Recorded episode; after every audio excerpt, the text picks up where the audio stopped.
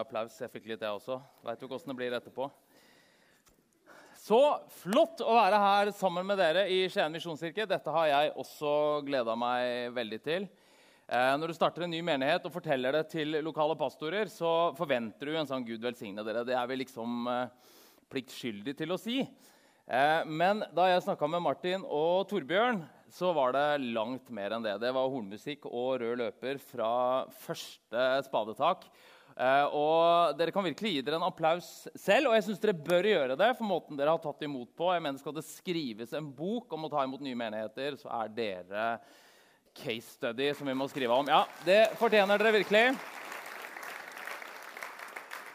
Takk også for måten dere tar dere av foreldrene mine på. Jeg er jo nå kommet i en alder hvor jeg begynner å bli mer bekymra for foreldrene enn ungene. Eh, og da er det godt å vite at de har trygge og gode fritidsaktiviteter Si fra hvis det er noen møter jeg trenger å være med på, liksom. Eh, erstatningsansvar det får de fikse sjøl. Men eh, jeg setter veldig, veldig pris på, på, det dere gjør også. Virkelig. Eh, jeg tror jeg skal be en bønn, så dette landet riktig. Herre, takk at, eh, takk at, du er her. Du var her før vi kom, og du kjenner oss. Du veit hvilken sesong vi er i livet. Eh, og takk at du strekker armene dine ut til oss og tar oss imot og ønsker oss velkommen. Så ber jeg for den stunda vi skal ha nå, når vi skal gå inn i ditt ord, at du skal åpne ordet for oss. Og at du skal tenne oss i brann for deg og gjøre oss mer glad i deg enn det vi var da vi kom. Amen. All right. Um, jeg skal begynne å snakke litt om en kar som het uh, Desmond Thomas Doss. Og han er uh, fortalt historien hans i uh, Mel Gibsons film fra 2016, 'Haxor Ridge', som noen av dere kanskje har sett handler om eh, Desmond som vokser opp som eh, syvendedagsadventist i Virginia. Så kommer andre verdenskrig når han er tidlig i 20-årene, og han verver seg til militæret. Det er bare ett problem, og det er at han er pasifist. Han, eh, men han vil likevel tjene i militæret og møter masse motstand for dette her. Men ender da opp til syvende og sist, etter å ha vært sendt ut i flere slag, mest kjent i det som jeg kort skal fortelle om nå, på øya Okanawa i eh, våren, forsommeren 1945. Hvor han ender opp med å få presidentens æresmedalje uten å ha fyrt et eneste skudd. Eh, han blir sanitetssoldat. Og i løpet av en natt i dette forferdelig blodige slaget så redder han Han sa selv 50, for han er en ydmyk mann. De som var med han sa 100, og det ligger kanskje et eller annet sted midt imellom der. Men i løpet av dette forferdelige slaget så berger han da mellom 50 og 100 mennesker. Hvis jeg får den til å funke nå. Så se der, ja. Eh, og så er det én ting som han sier i filmen, og som han sier i et intervju etterpå. Og det er at eh, for hver eneste en som jeg reddet, så ba jeg denne bønnen. One more, Lord. Let me get one more. En til, Herre. La meg redde en til. Og Jeg kan ikke tenke meg noe bedre overskrift på hva kirke dreier seg om. Og den teksten som jeg skal lese nå, er en veldig kjent og kjær tekst som bønnen på den kristne kirke. Nettopp dette her. Én til, Herre. La meg redde en til. Og Før jeg leser denne kjente teksten i Lukas 15, så skal jeg bare gi litt kontekst her. Hvis du har lest evangeliene, så kjenner du til dette. her. Hvis ikke du har gjort det, så skal jeg gi deg en liten innføring. Jesus kommer stadig i konflikt med de religiøse lederne. Disse er som olje og vann. og Noen ganger tror jeg han gjør det med vilje. Det er liksom Hver gang det er sabbat eller hviledag, så skal han ut og gjøre et eller annet som de reagerer på. Eh, men nå er de blitt skikkelig grinte fordi Jesus henger med feil folk. Altså, Han går jo helt på tvers av skjemaene deres på liksom hvem som er innenfor og utenfor. Og, og, De går og surmuler og klager over at han henger sammen med syndere og tollere. Og som en respons på det de sier, så forteller Jesus tre lignelser i det som står i vår bibel i Lukas 15. og Jeg skal lese to av dem først. Dersom en av dere eier 100 sauer og mister en av dem, lar han ikke da de 99 være igjen ute i ødemarken og leter etter den som har kommet bort, til han finner den? Og når han har funnet den, blir han glad og legger den på skuldrene sine. Straks han kommer hjem, kaller han sammen venner og naboer og sier til dem.: Gled dere med meg, for jeg har funnet igjen den sauen som var kommet bort. Jeg sier dere, På samme måte blir det større glede i himmelen over én synder som vender om, enn over 99 rettferdige som ikke trenger omvendelse. Eller om en kvinne har ti sølvmynter og mister en, tenner du ikke da en lampe og feier i hele huset og leter nøye til hun finner den? Og når hun har funnet den, kaller hun sammen venninner og nabokoner og sier, 'Gled dere med meg, for jeg har funnet igjen det pengestykket jeg hadde mistet.' På samme måte sier jeg dere, blir det glede blant Guds engler over én synder som vender om. Du vet at Disse tekstene her er så kjente at de blir eh, omtrent like effektfulle som sikkerhetsdemonstrasjonen på et fly. Det er jo liksom Selve kuet for å ta på seg hodetelefonene er når de sier nå må du ta av deg hodetelefonene. Da vet jeg bare, nå kan jeg sette dem på, for dette har jeg hørt 100 ganger før. Men denne teksten her faller liksom i tre kategorier. Og jeg har bare lyst til å snakke litt om det. Og Det ene er at det er noe som er tapt. Det er en sau, det er en, eh, et sølvstykke. Og Bibelen forteller denne historien om at alt ikke er i orden på planeten Jorden. Det er liksom noe som er ute av vater. Og I begynnelsen av fortellingen så står det at i begynnelsen var jorden øde og tom. Guds mørkel over dypet, og Guds ånd svevde over vannet. Så sa Gud, 'La det bli lys.' Og så ble det lys så sier Gud dette her gjennom den første uken. og ikke mist meg nå om du ikke tror at dette er bokstavelig. Jeg lever fint med at du tenker at dette her er billedlig. Poenget er at Gud skaper. Og den sjette dagen så sier Gud la oss skape mennesket i vårt bilde, så de ligner på oss. Og så står det at Herren selv tar støv fra jordens overflate og former mennesket. Og så blåser han livspust i det, så det blir en levende skapning. Så er det bare ett problem i denne fortellingen, og det er at mennesket ligner ikke bare på Gud. Men det er også skapt av støv fra jordens overflate. Det er ikke rart at mange er overflatiske. Og veldig ofte så trekkes vi tilbake til denne gravitasjonen mot jorden som vi er tatt av. Det er som den jødiske filosofen og teologen Abraham Heschel sier, at mennesket står et sted mellom Gud og dyrene. Og ute av stand til å leve alene søker det fellesskap med en av de to. Så vi veit hvordan det går. At eh, mennesket lytter til slangen istedenfor skaperen og så er resten historie. Og så er det som om noe går i stykker. Syndefallet, kaller vi det. Altså det at mennesket mister kontakten med Gud. Og så er det dette gamle, arkaiske og forslitte uttrykket 'synd'. Som eh, klinger uhyggelig dårlig i vår eh, tid men som likevel og, og, Vi har vel litt skyld i det selv også, for vi har jo vært så veldig opptatt av syndene i flertall, og særlig de som skjer på soverommet. Og, og atferdsmønstrene, mens grunnproblemet er at det er noe i oss som er brutt. Det er som vi har fått et virus i oss som vi ikke blir kvitt. Og synden i entall, denne klebrige greiene som henger ved oss, eh, som egentlig betyr at vi bommer på målet. Og Bibelen beskriver oss som syndere. At vi er bærere av noe annet enn Guds bilde, og at vi har åpna oss selv og verden for destruktive krefter. Og visst tar vi det i oss til å ligne på Gud, til å gjøre godt, til å elske og til å gjøre elskverdig, til å tenne en ild som både gir retning og varme, eller til å brenne ned hele verden til å tenne det mest forferdelige og sende Hellfire-raketter på små barn. Til å gjøre helvete til et empirisk faktum og ikke bare til et teologisk spørsmål. Og vi bærer alle på svimerker. Og Da er det ikke godt nytt å være overlatt til seg selv. Magnus Malm, svensk eh, forfatter, han skrev en kronikk i Dagen i Sverige i høsten 2017, når eh, metoo-kampanjen virkelig begynte å koke. Og Ingressen hans lyder sånn som dette her. Hvem hadde trodd at en kultur uten synd, synd kunne bli så ubarmhjertig?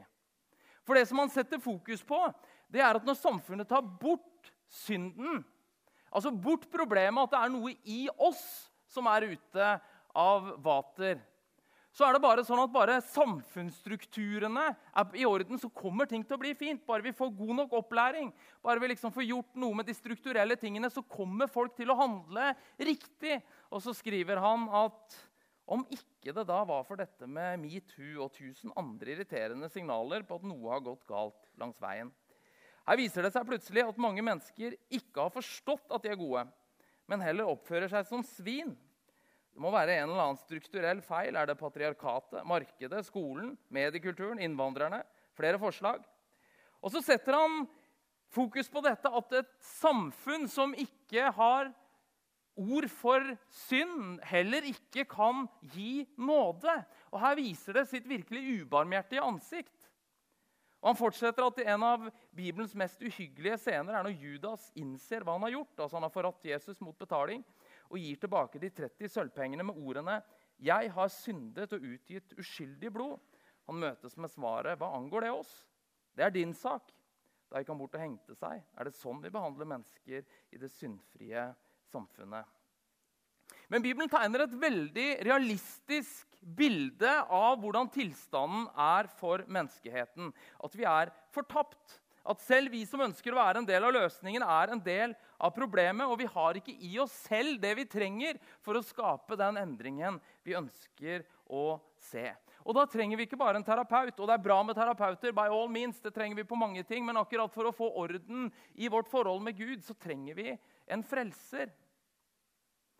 Ikke bare en terapeut. Vi trenger en kur, og ikke bare en Paracet for å dempe symptomene.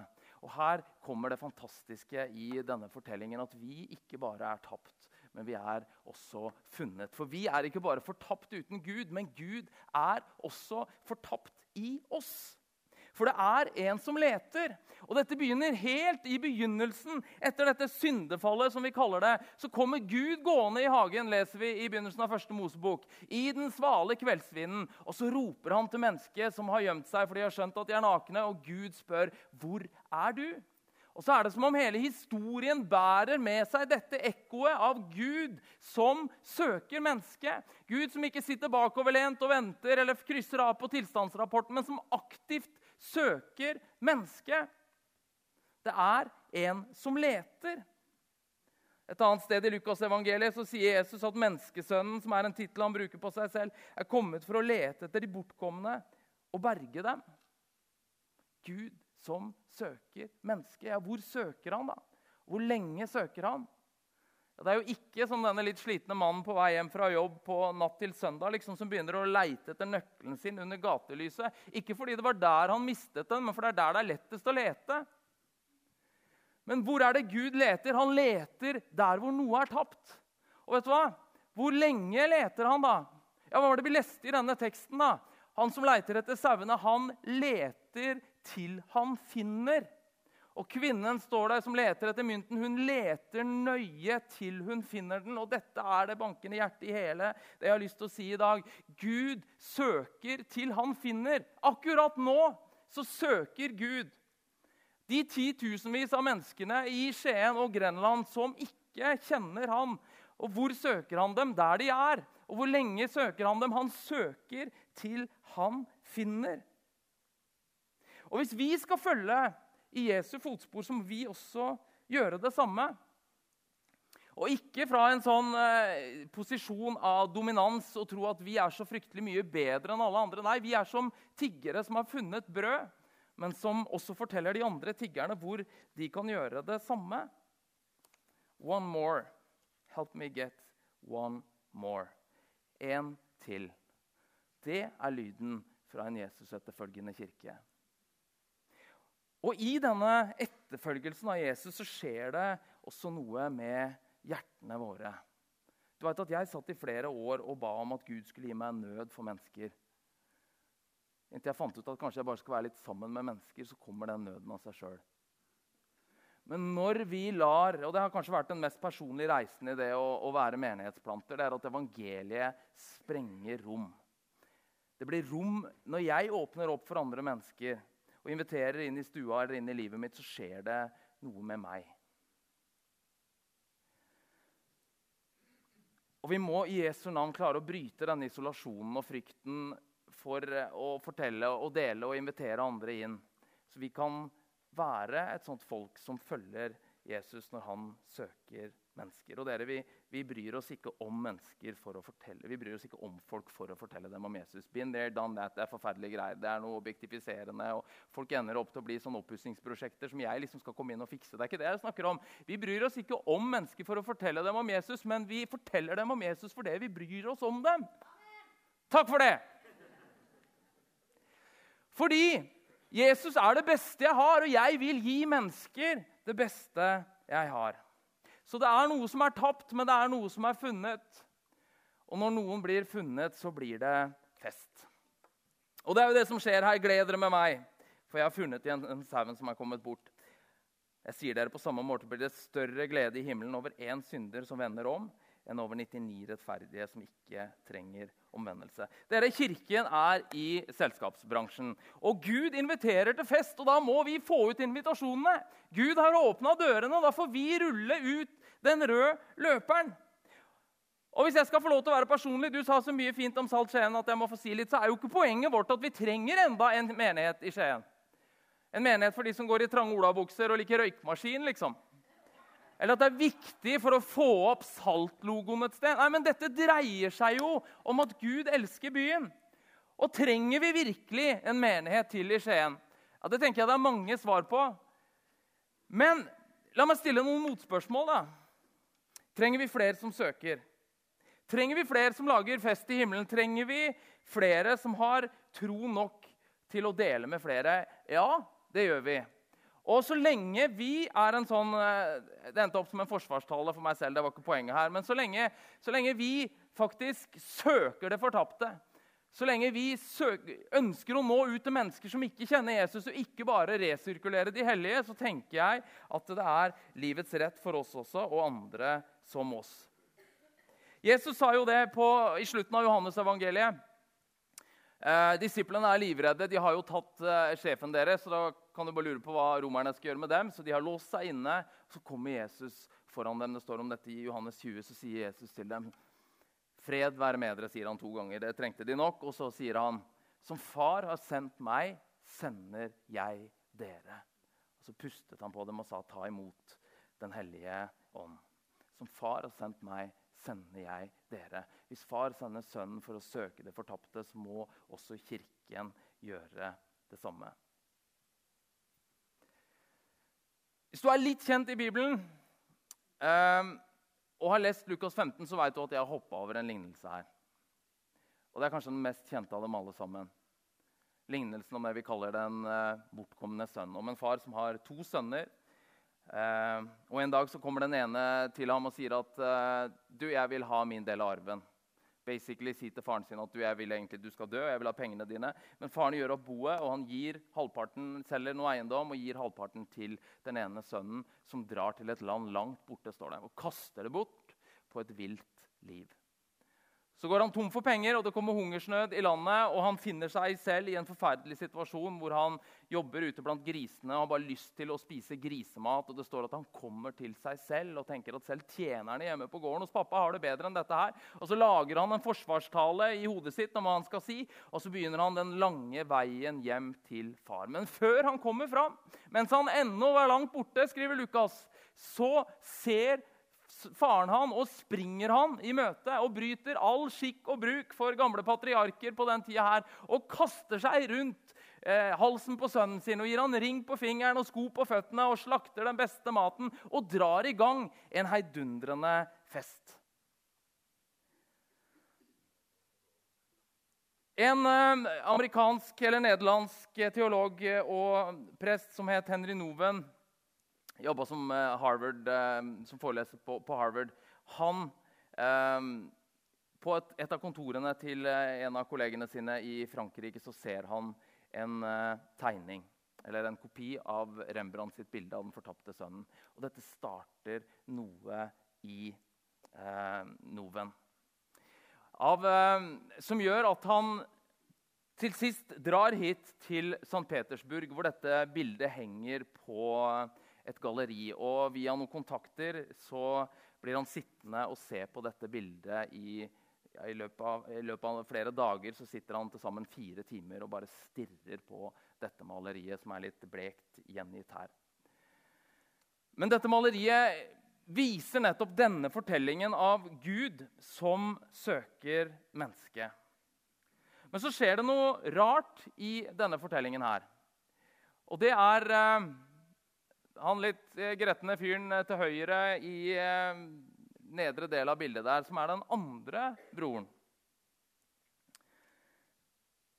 Fordi mens far drar i gang fest, så skjer det et brudd i hele plottet.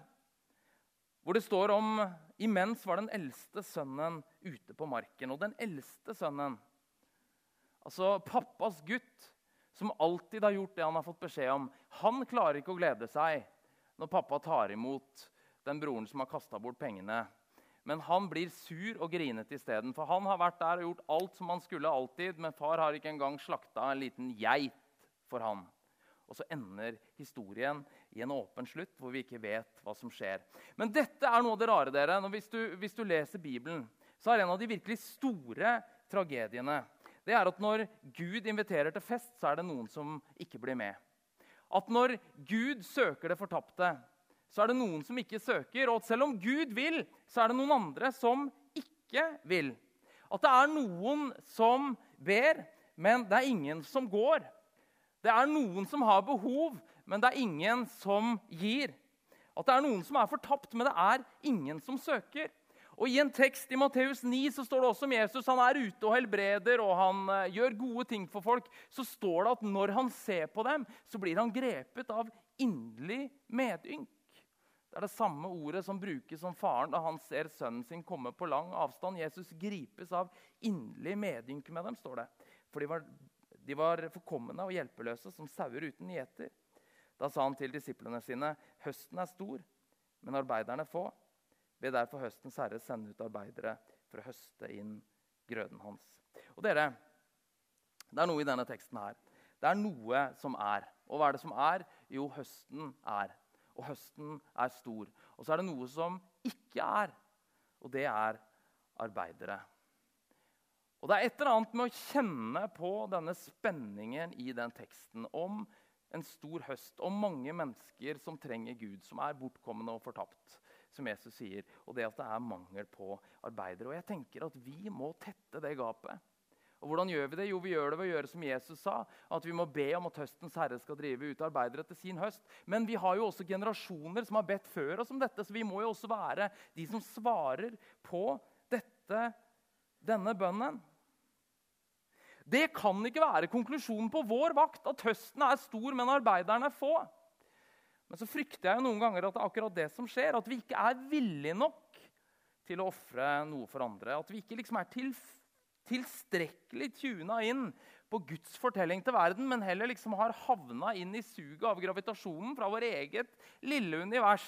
Jeg vet ikke om du merker det, at liksom gravitasjonen fra navlen er ganske sterk, så man blir fort bare sittende og bli opptatt med sine egne ting. Jeg frykter at nettene blir lange og kulda setter inn. At, vi, at bilene blir raskere, men reaksjonsevnene på folks behov blir tregere. At hyttene blir større og misjonsbudsjettene mindre. Og dere, Dette er jo ikke da liksom som en prektigper for en som ikke har hytte. Jeg også ønsker meg hytte. Jeg vil bare at mamma og pappa skal betale for den. så det er jo ikke, jeg mener, Det trenger ikke å være problemet. Problemet er hvor er orienteringspunktet i livet vårt. Altså, Vi lever i et sånt enormt press fra samfunnet rundt oss. For det er ikke en ting i verden som liksom gir oss støtte for å drive med det vi driver med.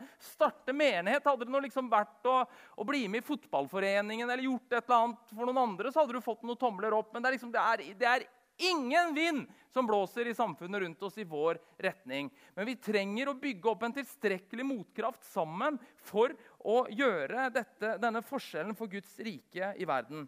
Edin Løvaas eh, han er vel godt kjent hos dere, en av høvdingene i eh, Misjonskirken. På slutten av livet så brukte han jo mye tid sammen med de unge. og Han sa i et intervju eh, til Vårt Land i 2006 og den teksten her griper meg like mye hver gang jeg leser den. Han sier at 'jeg har stor sans for dagens unge'. Når jeg har dem i tale, så utfordrer jeg dem. La dere ikke fange av deres foreldres småborgerlighet. Foreldregenerasjonen er blitt så opptatt av penger og eget velvære at de ikke får tid til å ta seg av andre eller formidle troen til andre. Denne småborgerligheten er proppen i flaska i dag. Og jeg tror ikke de voksne makter å komme løs. Derfor håper jeg på de unge. Og jeg er jo i foreldregenerasjonen, det kan jeg ikke gjøre noe med, men jeg nekter i Jesu navn å være proppen i flaska. Vi må komme oss løs. Vi må fortsette å heie på de unge, men vi må komme oss løs. Vi må ha tro for flere enn oss selv. Vi må være villige til å blø for drakta og forme fellesskap som gjør det samme. Dere, Vi er her i dag fordi noen trodde for flere enn seg sjøl for noen generasjoner siden. Altså fordi mine, og jeg mener, Hvis vi skulle spore opp liksom vår troshistorie, så ville det vært noen bakover som møtte Gud på et eller annet tidspunkt. Mine besteforeldre fra, eller oldeforeldre fra Kilebygda dro til Skien på 30-tallet og ble berørt i mangsvekkelsen. Fordi noen hadde gjort noe der som gjorde at de kunne høre. Og så går dette i generasjoner. Og noen kommer til å sitte om tre generasjoner og tro fordi jeg gjør det jeg gjør i dag.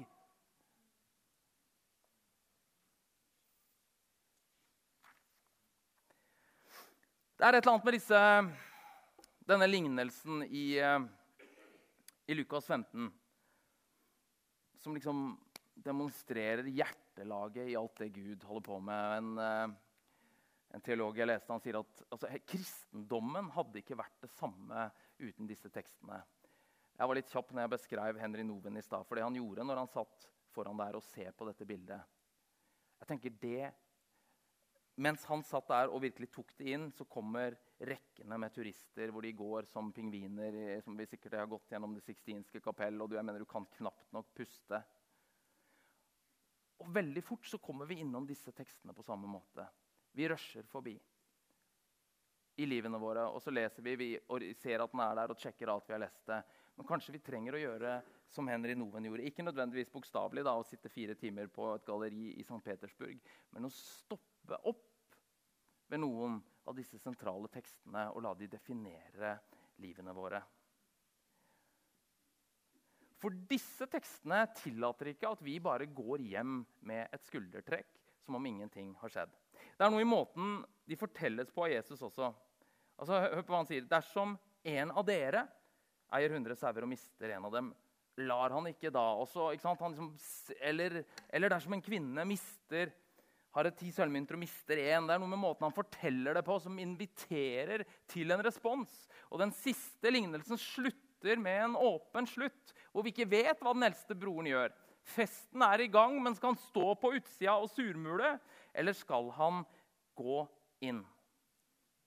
Og Jeg har lyst til å slutte der med en eh, åpen invitasjon til oss alle sammen i dag. Hvem er det vi vil ligne på i denne teksten her? Og Saken er vel at vi ligner på de fleste. Altså jeg mener, Vi er jo som sauen som roter oss bort. Vi er som sølvmynten som, som uh, blir mistet. Eller som broren som uh, tar ut arven og går bort og gjør stikk i strid med farens vilje. Og det er jo evangeliet. At det står en far der. To, to av lignelsene snakker om en som søker, og den ene som ser ham på lang avstand og springer han i møte. Det er evangeliet. At uansett hva vi har gjort, Uansett hvor mye vi har rota det til, så søker, sitter ikke Gud bare og venter, men han søker oss aktivt.